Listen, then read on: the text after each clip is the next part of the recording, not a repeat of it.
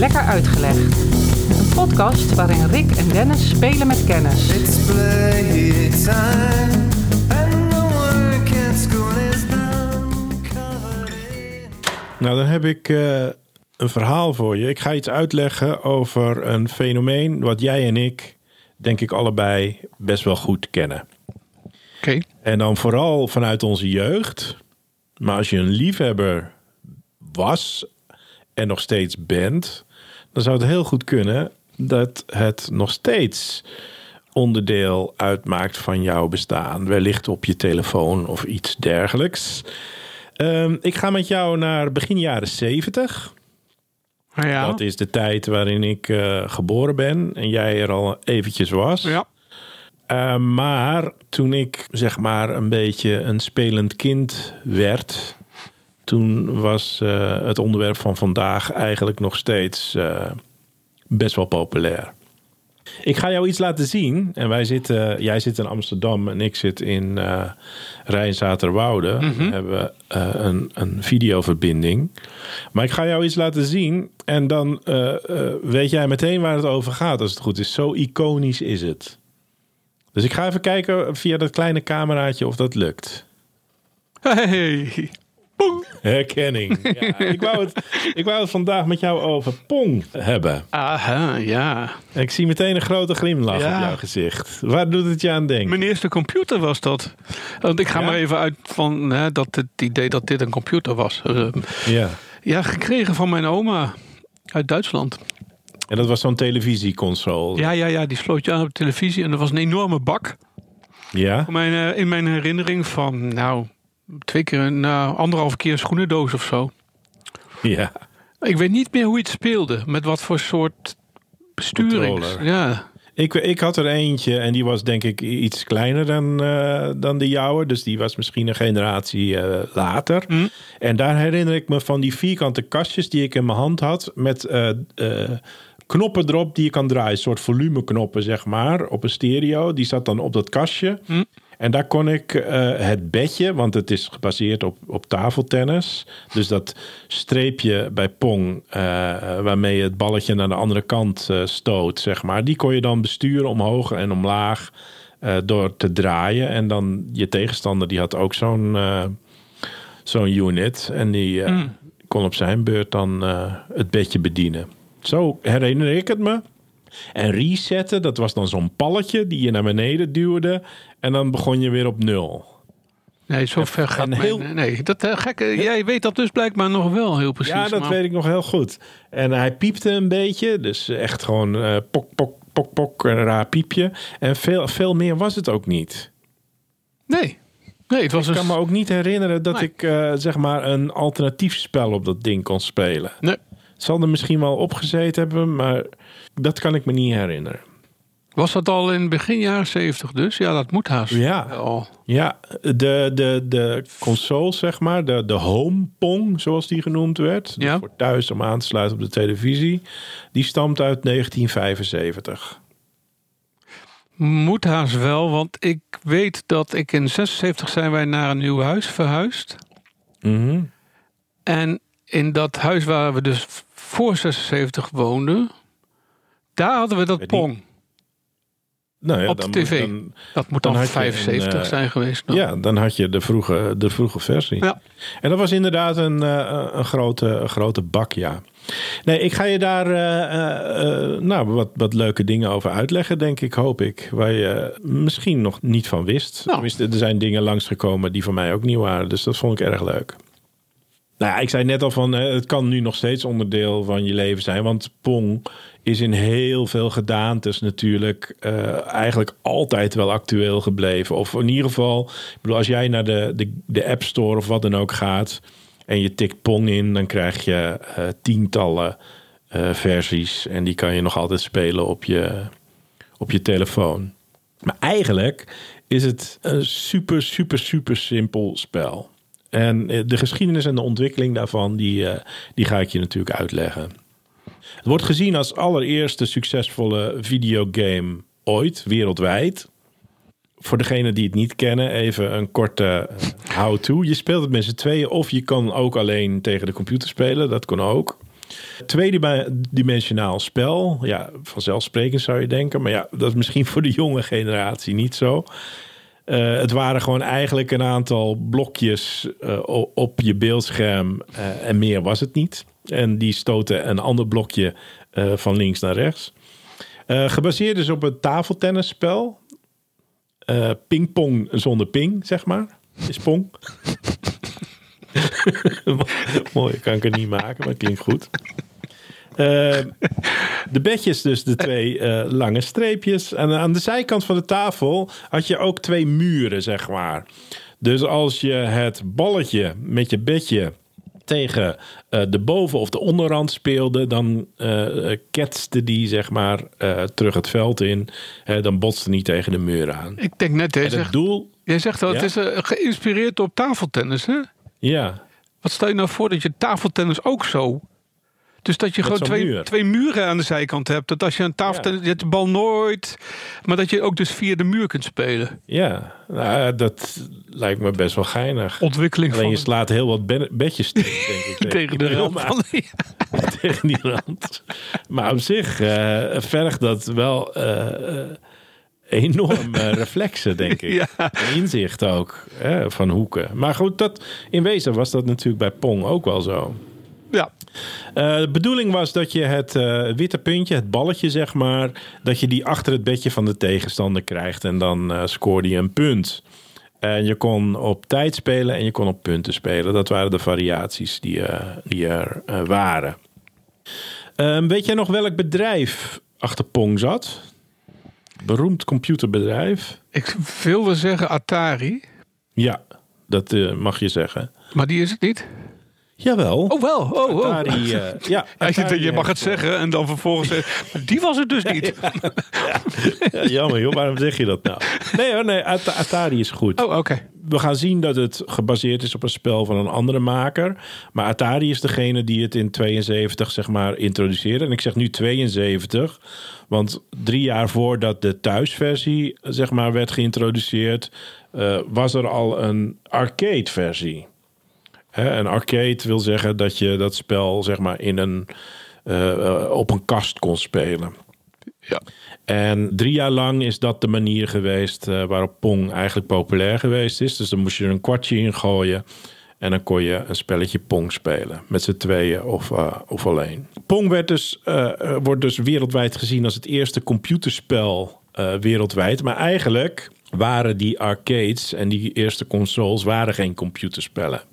Het was weliswaar met een computer gemaakt. En we gaan straks ook zien dat een computertechnicus het spel heeft ontwikkeld. Maar uiteindelijk, na de ontwikkeling, is dat vertaald naar allerlei printplaten en elektronica. Zodat het zeg maar zelfstandig kon spelen op zo'n arcade. Maar dan noem je het eigenlijk geen computer meer. Want je kan het niet veranderen en dan iets anders laten doen. Zoals een computer dat zou kunnen. Eh, dus het was puur een spel op printplaten. En eigenlijk dus op dat moment nog geen computerspel. Maar dat is een detail. Maar de, de, de, de eh, de die maken daar een puntje van. of misschien ook niet, maar maak ik namens hen daar een puntje. ik ga even de ontwikkeling met je doornemen. En dan eh, komt de eerste naam naar voren. Dat is de persoon die het spel heeft ontwikkeld. En dat is Alan Alcorn. Ja, die naam eh, herinner ik mij wel. Die is eh, onlosmakelijk verbonden met Pong. Hij is degene die het spel voor Atari heeft ontwikkeld. En het grappige is dat Pong. Hij heeft nooit de opdracht gekregen, of ten- tenminste, dat, het was niet de bedoeling dat dat een spel werd, want het bestond eigenlijk al. En wat eh, had de baas nou? Dat was Bushnell, dat was de baas van Atari. Die had eh, die Alcorn aangenomen. Die was computertechnicus. En hij wilde eigenlijk eh, hem betrekken bij het ontwikkelen van videogames. En om hem als computertechnicus, zeg maar, de kennis en de mindset te krijgen om computerspellen te ontwikkelen, videogames te ontwikkelen, gaf hij hem eerst maar eens een vingeroefening. Zo van dat je een beetje thuis kan eh, maken in de materie. En die Bushnell, dat is die directeur, die was even daarvoor op een beurs geweest. En op, dat, op die beurs eh, kwam hij het eh, gameconsole, de Magnavox Odyssey tegen. Oh, Magnavox. Ja, Oh, ja. Magnavox is zeg maar het bedrijf die het spel heeft gebouwd, in productie heeft genomen. En Odyssey, zo heet zeg maar die console. En die is eh, ontwikkeld door Ralph Beer. En die had eigenlijk al eh, de oerversie van Pong op, dat, eh, op die console staan.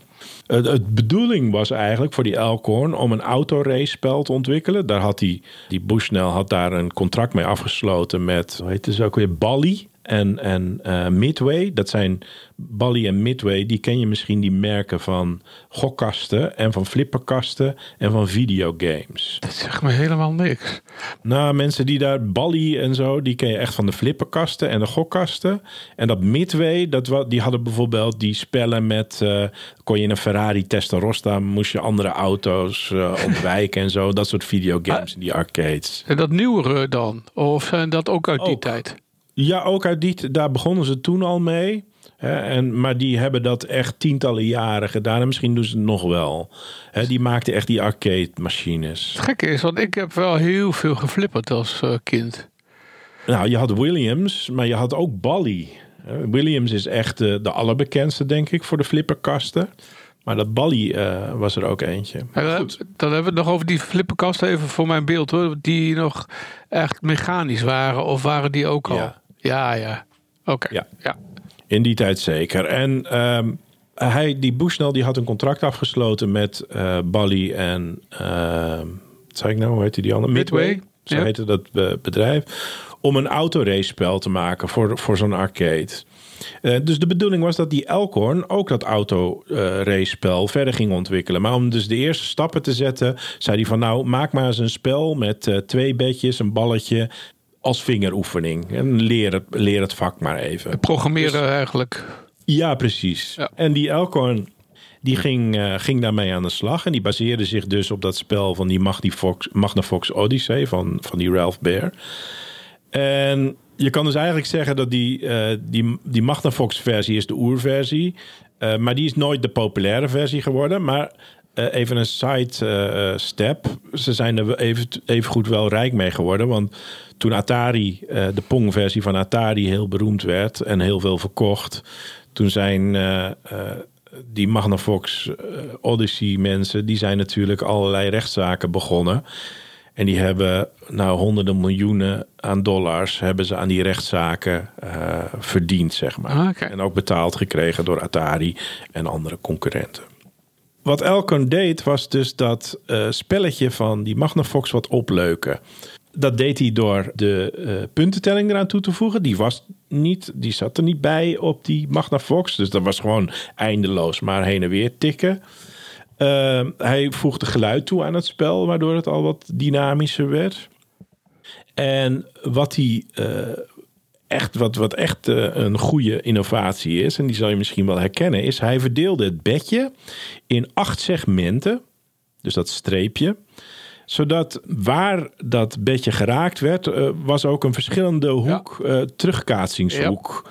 Dus bijvoorbeeld in het middelste, de middelste twee, die hadden een hoek van 90 graden. De, de twee daarbuiten, die hadden dan misschien 80 graden. En die twee daarbuiten 60 graden, ik zeg maar wat. Waardoor het verloop van het spel eh, eh, eigenlijk dynamischer werd. Ja, minder voorspelbaar, inderdaad. Minder voorspel, ja. ja. Of juist misschien weer wel dat je nog preciezer moest mikken om je doel te bereiken, om je tegenstander te verslaan. Dus het werd op die manier veel aantrekkelijker. Wat hij ook deed, eh, wat een verschil was met die oerversie, is dat hij het balletje meer snelheid ging geven naarmate de rally langer duurde. Hè, dus daar Oh ja. zorgde hij voor dat, je, eh, dat het moeilijker werd. En dat je ook niet eindeloos heen en weer kon, eh, kon tikken. En een laatste noviteit die hij eraan toevoegde, dat was eigenlijk per ongeluk. Want hij, had, eh, hij was natuurlijk dat ding aan het bouwen aan de ene kant en aan het uitdenken aan de andere kant. En toen hij hem in elkaar zette, was er één circuitje kapot, waardoor het bedje niet helemaal naar de bovenkant van het beeld kwam. Dus er bleef kleine ruimte over. En in plaats van dat te repareren, liet hij dat zo met het idee van ja, want dan kan, het, hè, kan een rally ook beëindigd worden. Als je hem dus precies in het uiterste hoekje weet te plaatsen, hè, dan kan je hem als, als speler niet meer retourneren. En dat voorkomt ook dat je tot Sint-Juttemes aan het heen en weren bent, zeg maar. Ja. Nou, eh, die, die Elkhorn was klaar met zijn vingeroefening. En eh, eh, ging naar het kantoor van Bushnell en presenteerde het resultaat. En nou ja, daar begint het verhaal natuurlijk. Want Atari was onwijs onder, die Bushnell was onwijs onder de indruk. En in plaats van hè, het, het, de opdracht eigenlijk om een race-spel te maken voor Midway en Bally, eh, dacht hij van ja, maar dit is eigenlijk veel gaver. Dus hij ging dit ook indienen bij, bij Bally en Midway als alternatief voor dat race-spel wat hij zou maken. Zo enthousiast waren ze erover. The rest is history. Dat is wel een dooddoener, maar ik kom er straks nog wel even verder op. Maar in ieder geval, daar is het begonnen. Hè. Zo is Pong ontstaan. In 74 lukte het eh, Atari eindelijk om zeg maar, dat hele spel op een chip te krijgen. Dus dan wordt het een computerspel eigenlijk. En die was voor die home Pong geschikt. En daardoor kon je hem ook... eh, nou ja, voor ons idee zijn er nog enorme kasten geweest. Maar relatief konden ze hem dus in een, eh, in een videoconsole eh, produceren. En die kon je thuis op je, op je tv aansluiten. Ik ga eigenlijk straks naar de beide weetjes, want dat is het meest interessante. Behalve dat ik nog even noem dat Pong is opgenomen in de permanente collectie van Smithsonian. Hè, zo is hij natuurlijk. Culturele impact die het spel gehad heeft, is eh, dermate groot dat hij in de permanente collectie eh, is gekomen. Ik had je al verteld, ik kom nu een beetje, ja, het zijn een halve beide weetjes, maar ik had je al verteld dat natuurlijk die Bushnell, die had een, een, een, een, eh, een contract met Bally en Midway voor dat race-spel. En hij uiteindelijk eh, diende niet Pong in voor dat contract. Maar al snel, de, gezien de testversies die ze uit hadden staan, merkte hij dat het spel zo populair was. Dat hij eigenlijk dacht van ja, fuck, weet je wel. Nu gaan Belly en Midway er met dat succes vandoor. En die verdienen straks natuurlijk bakken met geld. Ik kan het eigenlijk veel beter zelf uitgeven. Ja. Daar heeft hij iets slims voor bedacht. Want Belly is zeg maar eh, de gokkasten flipperkasten versie. En Midway was de videogame eh, eh, hoek van het bedrijf. En wat hij dus zei tegen de flipperkastenman van Belly... van ja, weet je, het is wel een soort flipperen, maar net niet. En nou ja, ik heb hem bij Midway aangeboden... en die willen hem eigenlijk niet hebben. En datzelfde zei hij bij Midway. Van ja, maar ik heb hem eh, een beetje als flipperspelletje bij Belly aangeboden. Maar die zijn er ook niet zo enthousiast over. Dus tegen, door tegen de een en de ander te zeggen van de ander is er niet enthousiast over, haakte de een ook al een beetje af. Dus uiteindelijk eh, waren Belly en Midway niet geïnteresseerd in dat spel. Wat natuurlijk voor Bushnell te gek was, want dan kon hij het spel zelf uitgeven. Dat prototype, wat door Elkhorn gemaakt is, die, die arcade zeg maar, die hebben ze getest in het lokale café om de hoek. En daar stonden al meer van hun eh, arcadekasten. Dus eh, daar hadden ze een goede relatie mee. En eh, hadden het daar neergezet. En al na twee of drie dagen werd er gebeld van... je moet hem even repareren, want het zit vol met storingen dat ding. Dus nou ja, dat leek eigenlijk een enorme tegenslag. Maar wat bleek nou? Die storing was het gevolg van de grote hoeveelheid kwartjes die erin gegooid waren. het spel was zo populair dat eh, ze bleven het spelen. Dus dat, dat ding dat raakte helemaal vol met kwartjes. En daar was geen rekening mee gehouden. en daardoor raakte dat hele spel eh, van slag. Nog een beide weetje. In 73 eh, werd Pong in Japan uitgebracht door Atari. Dat was later Namco. Misschien zegt dat je iets. Ook Nee. zo'n bedrijf waar je, wat wel op die kasten stond. Maar toen hij dus in 73 daar op de markt gebracht werd, waren er al in Japan twee kopieën, twee klonen die al populair waren. Zo populair was Pong eigenlijk. Dat, en dat is altijd zo geweest. En dat zie je nu ook in de App Store. Talloze bedrijven kopieerden dat idee en brachten het op de markt. Er was er al eentje van Taito, dat is een merk. Elepong heette dat eh, spel in Japan. Voordat dus de originele werd uitgebracht. En Sega, ook een bekende eh, van de game console. Die had ook al een versie in Japan uit, de Pongtron. Voordat eigenlijk Atari pas de originele op de markt bracht. Dus zo snel ging die, eh, die concurrentie er al mee vandoor. Sowieso waren er al meer en zijn er altijd meer klonen geweest dan originele. Je moet een beetje twee derde, een derde. Dus twee derde was allemaal imitatie en een derde is eh, origineel. Dus ik durf ook niet eens te zeggen of ik ooit een Atari had. Dat kan natuurlijk heel goed, of de kans is zelfs groter dat dat een of andere kloon met een ander merk geweest is. En dat geldt misschien voor jou ook wel. Die, eh, dat apparaat. Ja, ja. Ja, dat, dat, dat ik, ik, je was net aan het vertellen hoe die eruit zag over een knopje wat je moest draaien om het te spelen. Ik, ik zag heel even in de, de mistvlarden van mijn eh, herinnering eh, het apparaat weer voor me. En even dacht ik dat het oranje was. Met zwarte hendeltjes waar je aan moest trekken. Dus ik, ik wil zelf even op speurtocht gaan om te kijken Ja, wat, hoe het apparaat er überhaupt uitzag. Wat mogelijk degene was die wij hadden in. ja. Nou, ik denk Ja, ik- 75. Als je, als je Pong intikt met afbeeldingen dan, eh, of console, dan krijg je Van allerlei tientallen verschillende, honderden Ja, ja. verschillende. Dus daar zal die ongetwijfeld wel, eh, wel tussen staan. Ehm, het was nog wel een hele klus, Rick, om die eh home Pong console eigenlijk aan de man te brengen. Want Atari geloofde heel erg in dat ding. En de markt eigenlijk helemaal niet. Want Atari wilde die eh, console bij speelgoedwinkels onderbrengen. Want dat was een beetje de doelgroep natuurlijk. Maar die speelgoedwinkels die, eh, die schrokken van de, van de vraagprijs. Want het was een vrij hoge prijs voor een... eh, of nou voor een console, maar sowieso voor een cadeau voor, voor kinderen. Dat moest je echt wel aardig wat geld neertellen. En dus die wilden de handen er eigenlijk niet aan branden. Dat vonden ze een veel te groot risico om dat ding eh, in te kopen en proberen door te verkopen. Want ze waren bang dat hij zo duur was dat hij eigenlijk de toonbank niet overkwam. En uiteindelijk hebben ze bij het warenhuis Sears hebben ze een contract weten te tekenen. En niet op de speelgoedafdeling, maar op de sportafdeling. Dus daar is hij als allereerste keer eh, is die op de markt gebracht. Bij de sportafdeling van Sears. En als je een van die eerste eh pongmachines hebt, dan heet die ook eh, Sears. Dus dan, dat is ook het Sears Telegames. Dat is dan wat er op de console staat. Er staat nergens Atari op. Oké. Dat is, dat is de originele dan, zeg, of tenminste de eerste die is uitgebracht. Pas een jaar later, in 1976, stond Atari echt op de console, zeg maar, als eigen naam. Dan nog even een, eh, een, eh, twee kleine beide weetjes, dan zit het erop. Nou, dat is mooi ook qua tijd. Weet je, weet je de, de, de opvolger van Pong?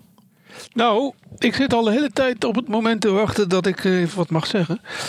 Over Pong. Nee, niet over Pong. Over een spelletje dat ik speelde toen ik net studeerde. En dan zijn we eh, tweede helft jaren tachtig. Dus ruim, Ja. ruim tien jaar verder. En mijn toenmalige studie, nou niet studiegenoot, maar huisgenoot. eh, hij deed een andere studie. Die had, ik denk, een oude Mac. Mhm. Die was in 84 uitgekomen. Hè? Die beroemde Mac-reclame van eh, 1984 als, eh, voor de liefhebbers. Ja. En die was uitgekomen, die had hij. En daarop stond een spelletje. Nou, dat hebben wij tot midden in de nacht lopen spelen. En, en ik ga het binnenkort weer spelen, want ik vind het een heerlijk spel om tijd mee te voldoen. Breakout. Ja, nou, dat is precies die, eh, die ik ook bedoel. Man, en die had ook 16 velden in de versie die eh, hij had. En eh, als je 16 had uitgespeeld, kwam je in een soort ja, easter egg-achtige omgeving. Want er bleken er nog meer velden achter te zitten. En daar kon je alleen maar komen als je, spel, als je veld 16 uitspeelde. Je kon dus niet rechtstreeks naar, noem het maar 17. Nee. En er bleek ook nog een 18 en een 19. Je moest het verdienen. Die moest Ja. het echt verdienen. Nou, wij zaten met een glaasje bier en dan op zijn kamer urenlang. Dat jij dacht, oh shit, ik heb morgen een tentamen. Ja. Eh, nee, we je gaan nog keer.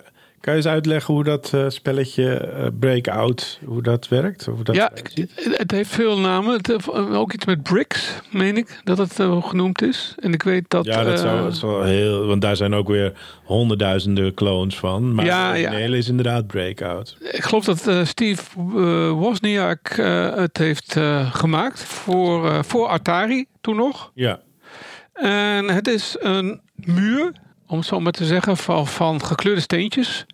ja, Eh, van eh, zoveel steentjes breed en zoveel steentjes dik, diep, hoog. En als Mhm. je eh, met je pingpongbedje, zoals dat ook bij Pong zat, die ligt dan Ja. nu in plaats van rechts en links, ligt die onder. Daarop Ja. ligt een balletje en op het moment dat je op klik gaat duwen, hebt geduwd, laat het balletje los en dat gaat omhoog, raakt een van die stenen en komt weer terug. En op het moment dat jouw balletje een steen heeft geraakt, de meeste stenen, want soms, sommige stenen moest je twee keer raken. Dan verdween het steen, eh, dat blokje of dat steentje. Dus je moest elke keer ehm, door te kaatsen alle steentjes wegwerken. En dan had je eh, dat veld eh, gehaald en dan ging je naar het volgende. Ja, daar maak je mij blij mee hoor, met dat soort herinneringen. nee, dat is inderdaad de- weer een succesvol, maar ook het, het vervolg op Pong. Ja. Ja. Een variant op Pong eigenlijk. Een variant op Pong, ja.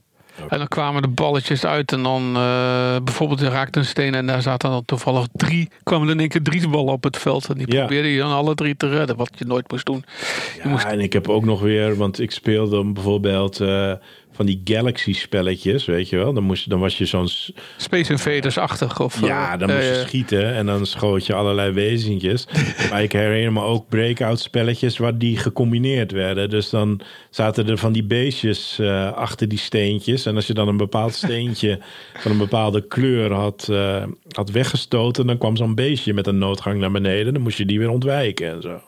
Maar goed, zo zijn er, wat ik al zeg, als je de App Store ingaat en je zoekt op Pong of Breakout, dan, eh, nou, dan kan je zo eens een middag eh, rondneuzen met alle opties en verschillende soorten spellen die je daar Ja. tegenkomt. Hoewel ik de originele, dus die ik samen met eh, Bas heette hij, Ja. speelde, die, die heb ik nooit meer gevonden. Dus ik weet ook niet of die wel Breakout heette. Eh, die, zou ik nog wel eens willen, willen, maar dan moet ik even wat Maar die jij beschrijft, dat was gewoon één echt één rechte muur. Hè? Want je had op een gegeven moment ook met spaceships en eh, met allerlei vormen en omgekeerde eh, eh, smarties. of nee, hoe heet het? Die zoute lappen en zo, die je dan moest wegspelen. Dus dat, Zoute lappen? Zei je nou zoute lappen?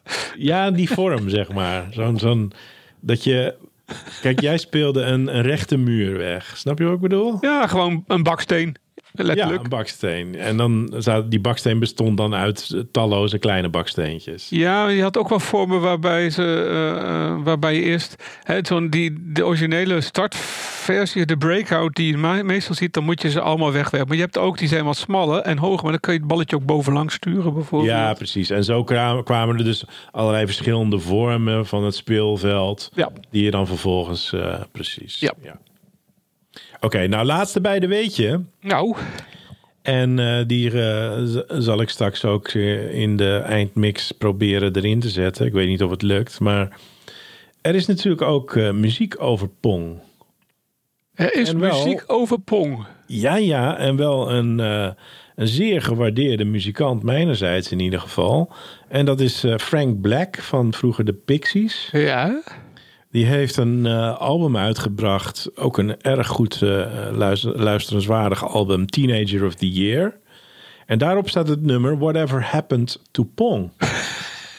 en dan beschrijft hij dus, je moet de tekst er eigenlijk ook even bij pakken, maar dan beschrijft hij dus hoe hij met zijn broertje of met zijn vriendje eh, eigenlijk zijn jeugd doorbracht met het spelletje Pong spelen. En hij vraagt zich nu af, hè, waar is eigenlijk dat simpele leven van toen gebleven? Waar je gewoon de hele dag Pong, nou, wat jij eigenlijk ook zei met die studiegenoten op de Ja. kamer. ja, als je die vraag gaat stellen, waar is het simpele? Dan komen we in een hele filosofische podcast vandaag. eh, die eh, waarschijnlijk een beetje verzwemt in allerlei eh, half melancholieke. Soms was triestige momenten van wat is er toch geworden van die tijd. Ja. Nee, dat gaan we niet doen. Muziek. gaan we niet doen. Maar we weten nu in ieder geval wel welke rol Pong daarin eh, heeft gespeeld. Ja. Ja, en, en je zegt eh, Pong, Breakout. En dat in Ja. diezelfde eh, tijd hoorde, wat mij betreft. Maar dat is een heel ander spel. En het is van Russisch van oorsprong. Tetris. Ja, ja dat is Die, nog die weer- twee dingen heb ik. Dus dan hebben we het echt over de. Nou ja, voor Nou, mij. Tetris, Rick, daar heb ik, eh, die heb ik altijd op de Game Boy gespeeld. en ik, eh, en dat er zullen heel veel luisteraars het helemaal eh, herkennen en mee eens zijn. Dat als ik daarmee stopte met spelen en ik ging naar bed, dat ik gewoon in, in mijn slaap nog die, die, die, die baksteentjes aan het plaatsen was. Dat is echt ziek geweest. Ja, klopt. Eh, dat had ik met Breakout. Dat had ik met Tetris. En dat heb ik nu nog met Angry Birds. Ja. Dat je blijft. Oh, heb je dat nog? Speel je dat nog, Angry Birds? Ja, eh, het is eh, voor kerstelijke tijd. Dus we zijn in de aanloop van de, de last 12 days of Christmas zijn we aangekomen. Ehm, die eh, versie van eh, Angry Birds die ik speel eh, heet Seasons. En eh, dat zijn, hij is gediscontinued door de maker, Rovi geloof ik is dat de maker. Alleen nu hebben ze hem weer teruggeplaatst in de diverse stores van Google en, en, en Apple en what have you. Mhm. Omdat, net als ik, heel veel mensen het heel erg leuk vinden om vlak voor kerst de, de season kerstmisversie. Dat zijn, dan krijg je elke dag krijg je een, eh, een veld te spelen in Angry Birds. Dus verder speel ik Angry Birds niet meer, maar dat wordt een soort van ritueel elke. Elke Ja. En dat was toch eerder bij de originele Angry Birds niet dat je per dag één veld, daar kon je toch gewoon door. Nee, nee, velden precies. Nee, dit was echt een adventskalender van Angry Ja, Birds. Als, oh, leuk. En die, eh, nu is het geen adventskalender meer, want je kunt elke dag spelen wanneer je wilt. Ja. Dus je kunt nu al 13 december of t- Ja. 23 Kan je december. open krassen. Ja, als, ja, als het ware wel. Maar ik, ik doe dat niet. Ik, ik hou ervan Maar om jij, dan... bent, jij hebt die, die, die adventsdiscipline, heb jij. Ik heb die adventsdiscipline. Ja, ja, ja. ja. ja, ik dus, heb die eh, ook hoor, maar ik heb heel veel mensen gezien die die absoluut niet hebben.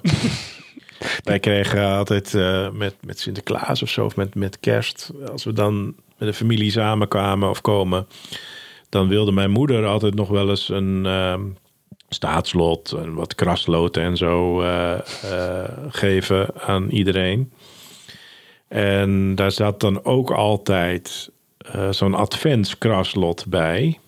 En ik herinner mijn nichtjes vooral dat die eigenlijk na ontvangst binnen twee minuten al de hele adventskalender hadden opengekruist. die hadden absoluut geen discipline om dat eh, zeg maar dag voor dag. eh, Oh nee, ik kan dat vrij goed. Eh, eh, Mijn zoon krijgt elk jaar een, een chocolade adventskalender. En daar is hij toch wel heel netjes... maar er zit er een chocolaatje in. ja, elke, onder elke, elke hoe heet dat, raampje, elk Ja, maar dat is, dat is dan ook weer iets makkelijk. Want je gaat niet in één keer eh, dat hele ding leegvreten natuurlijk. Nou, voor de, de, de chocoladeverslaafden. Ja, nee, dat, Die rammen gewoon het hele... Het is van karton, dus je kunt het in één keer openscheuren. En dan vliegen alle, alle chocolaatjes door de lucht. En, eh, ja. Nee, dus ehm, ik eh, warme herinneringen aan eh, Angry Birds, maar ook zeker Tetris en zeker Breakout. Eh, En Pong? Ja. ik zie me nog wel zitten in de hoek van de kamer voor de tv, maar ik feitelijke spelen en het hele apparaat, dat is blijkbaar toch, ja, wat ik zei, verdwenen in mijn herinnering. Ja, ik ik ga het opzoeken nou straks. Wat ik, wat ik me wel eh, herinner is dat ik het gespeeld heb, maar ik kan me niet herinneren dat ik eh, dat dat ook maar iets verslavends of zo geweest is. Dat ik daar helemaal verslingerd aan geraakt ben. Ook wel een beetje het gevoel van nou, na, na een minuut of tien eh, heb ik het wel al gezien, zeg maar. Met, ja, met Pong. Ja, het pong. Breakout is dan zeg maar weer een, een veel... Ja, dat, dat is veel verslavender, denk ik, dan pong. Want pong is wel gewoon net even te simpel. Het is wel voor de ontwikkeling natuurlijk een heel belangrijk en iconisch moment geweest. Maar ja, ik- jij speelt nog steeds Breakout. Maar Pong, zullen er nog heel veel mensen heel veel Pong spelen? Denk, nou, nee. Is mijn eerste reactie. Ik denk niet dat mensen nu nog, gegeven wat je verder allemaal kunt spelen aan eh, dit soort eh, kaatsspelletjes of dit Mhm. soort hele simpele abstracte spelletjes. Hè? Want we hebben het hier niet over spelletjes die, die je nu allemaal kunt spelen met, met levende wezens en werelden waarin die lijken Nee. op, de reale, op onze eigenlijke wereld buiten. Nee. Ja. Nee, die abstracte dingen, dus blokjes, ehm, balletjes die heen en weer kaatsen. Nee, dan denk ik dat Pong niet bovenaan staat in de. Nee, dat denk ik ook niet. Nee. Alright, so much for Pong. Ja, leuk onderwerp Pong. Herinneringen. Lekker Uitgelegd is een podcast van Dennis Ai en Rick Roeland. Wil je geen uitleg missen? Abonneer je dan op Lekker Uitgelegd. Dat kan op Spotify, iTunes of in je favoriete podcast-app. Laat ook vooral een recensie achter. Dat vinden wij leuk en andere mensen kunnen ons dan sneller vinden. Lekker Uitgelegd is ook prima te volgen op Twitter, Facebook en Instagram. Wil je meer weten over deze aflevering? Kijk dan op lekkeruitgelegd.nl. En wil je reageren? Dat kan. Stuur dan een mailtje naar info@lekkeruitgelegd.nl. Tot over twee weken. Lekker uitgelegd is een klankmedia productie. En de muziek, die is van Kolbak.